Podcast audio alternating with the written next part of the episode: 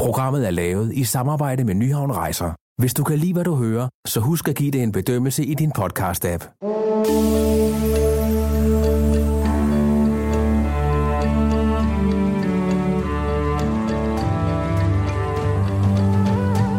Velkommen til podcasten Øjeblikke af guld. Mit navn er Benedikte Balling.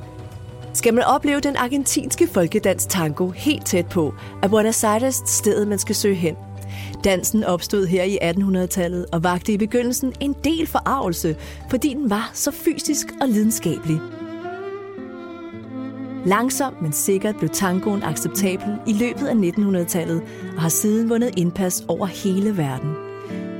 Rejseeksperterne Anne Grandal Lauritsen og Lasse Vest fra Nyhavn Rejser fører an i den lidenskabelige dans fra Argentina, der i 2009 blev fået til UNESCO's liste over verdens kulturarv. Men altså, så kommer jeg gående ned ad gaden, og øh, begynder så lige pludselig at kan se, at øh, så er der en, der svinger rundt. Jeg ser lige sådan strejfet af en rød kjole, øh, og søger det sådan lidt, og øh, kommer så hen og ser det her par, der står og, og danser tango øh, ude midt på gaden. Og det får mig bare til at stoppe op, og jeg tror, jeg tager mig selv i, at jeg står med åben mund og er helt fortaget af den her dans her. Øhm, og det var første gang, jeg tænkte, wow, det skal jeg sælge lidt mere af. Øh, og det er de ting, som man oplever som, som gæst øh, i Buenos Aires, øh, foregår på små gadehjørner. Øh, man vil også kunne komme ind i en butik og så høre øh, tango i baggrunden. Øh, så på den måde, der, der fylder den meget. Tangoen fylder rigtig meget for en argentiner fordi der er så det der længsel og, og, omsorg som for hinanden.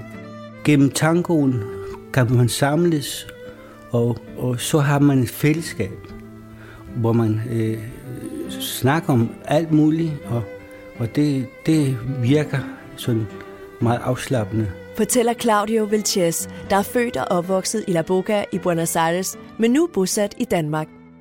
Claudia er stadigvæk familie i Argentina, og han besøger dem så tit det kan lade sig gøre. Længsel for at komme tilbage til sine rødder forsvinder aldrig, fortæller han, og ser her tilbage på tangoens begyndelse. Det blev ekstremt populært i 1850 til, til 1900, og hvor der kom ekstremt mange immigranter fra Europa, blandt andet Spanien, navnlig Spanien og Italien. Og så kom mange fra Skandinavien dengang, som rejste øh, på grund af fattigdom og for at søge lykken i Sydamerika. Navnlig for Buenos Aires, Capital Federal, hvor tangoen opstod i La Boca, som er en kæmpe, øh, dengang var en af Argentinas største havne, hvor de store skibe fra Europa lå til. Så er der jo alle øh, de lokale milongas, øh, som er der, hvor øh, øh de lokale argentiner de, de går ud og, og, og, og danser. Øh, Man kan en slags klubber. Øh, det er typisk øh, ret sent på aftenen. Det kan være fra klokken 10 og, og, og derefter. Så øh, møder man op i en, en milonga, og, og, og så går det altså ud på at, at, og danse. Øhm, øh, som, som, som turist på Buenos Aires, der er man velkommen til at komme ud og besøge de her steder. Og, og det kan også sagtens være, der er en, der kommer hen og, og byder en op, og man kan få lov til at prøve at være med til at danse tango. Så, så det, det er meget, meget udbredt i, i, i, i Buenos Aires. Altså, nogle gange, når man ser de lokale danse, så tror man måske bare, det er sådan helt tilfældigt men det er det altså langt fra.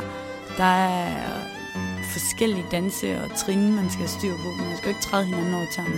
Det kommer man altså til med tanken. Så, så jeg synes helt klart, at er man i Buenos Aires, så er det en must at gå ind og prøve at få sådan en, øh, en, en time eller to øh, og lære at danse tango.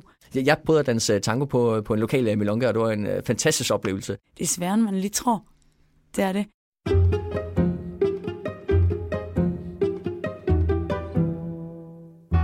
Bare det at skal holde øjenkontakten. Altså, jeg tror, vi alle sammen vi kender det der med, for da man var yngre, og man skulle sidde og prøve at kigge hinanden i øjnene, og se, hvem der kunne holde, læng- holde, holde længst, før man begyndte at grine. Og det skal du altså gøre igennem den helt øh, dans. Altså, det er rigtig, rigtig svært. Samtidig man skal styre på dine ben.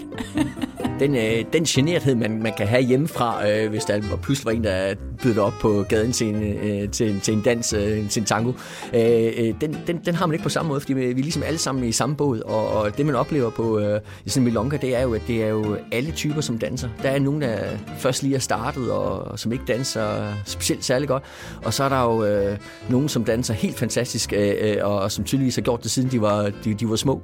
Øh, så lige pludselig er man bare en del af det, og, og, og øh, der er ikke nogen, der... Øh, øh, øh, alle synes, det er super, super fantastisk, at, at man har lyst til at prøve øh, og, og, og dele deres passion for, for, for tango. Tangomusikken, den kendetegnes jo ved, at den taler til følelserne. Nogen har sagt, at tango er en trist tanke, der danses. Men dansen, den står jo ikke alene. Det er musikken, der driver det hele. Marie Værme er fra Sverige og spiller akkordeon. Marie har spillet tangomusik 15 år i mange forskellige konstellationer og har været meget optaget af lige netop den type musik. Den traditionelle tango er jo som et stykke popmusik. Altså det er en A-del, en B-del, en C-del og tilbage til A. Og de varer som regel tre minutter. Og når de danses og spilles, så spiller man tre tango, og så spiller man så tre valse, hurtig valse, og så har man tre milongaer som en hurtig version af tango. I tangomusikken, der bruger man jo øh, som regel to forskellige takter. Det er tre fjerdedels takt vals, og så er det en øh, firedel takt, fire ottendele eller fire fjerdedele, som man øh, bruger. Og så er det forskel i på øh, tempoet mellem en traditionel tango og en milonga. Øh, og den har mere øh, latinamerikanske rytmer.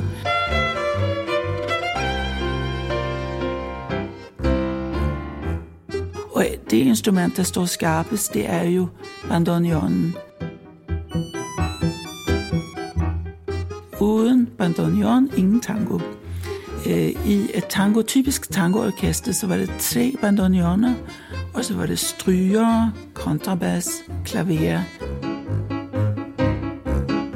øh, og nogle gange også lidt slagtøj.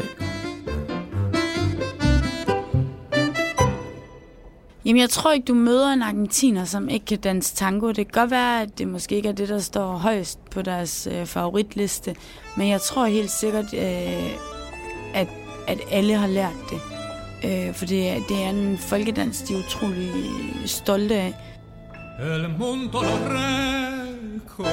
Og sangen betyder meget for øh, øh, sangskriveren og sang, sangeren, som Carlito Hardel, en af de største tango sang tilbage i 50'erne, 40'erne og 50'erne, at Buenos Aires queridos, min elskede Buenos Aires, hvor han elskede at komme tilbage.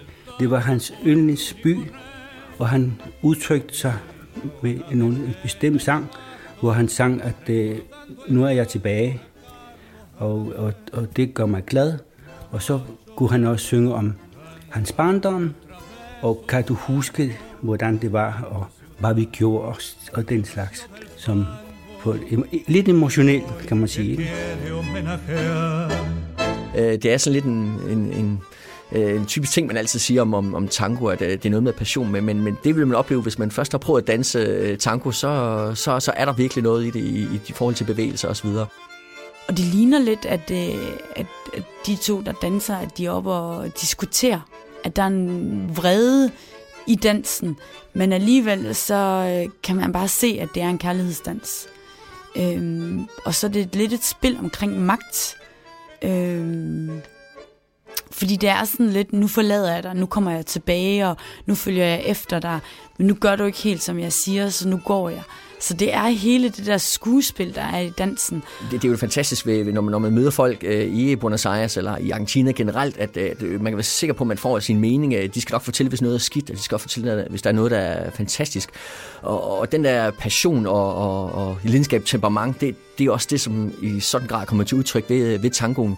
Så øh, jeg ser den som en katalysator for, for, for deres liv og deres dagligdag.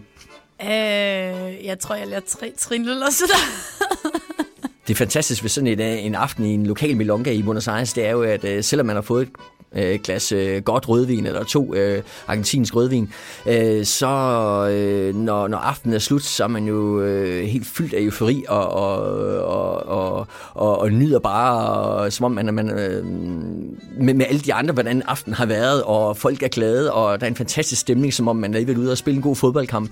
Øh, folk går, rum, øh, går, går hjem i godt humør og smilende og omfavner hinanden og, og, og glæder sig bare til, til næste aften. De, de impulsivt går ned i en øh, uh, milonga og danser med enten deres kæreste, mand, kone eller bare nogle gode venner. Fordi det er jo sådan, tangoen bliver danset. Jamen, det var sjovt. Altså, du er fyldt med glæde. Altså, man bliver bare glad, når man hører musik og dans. Øh, men jeg var også udmattet på den gode måde, fordi det havde været hårdt, og man kommer altså til at småsvede lidt. Øh, så man skal ikke undervurdere det. Men det var sjovt. Det var det.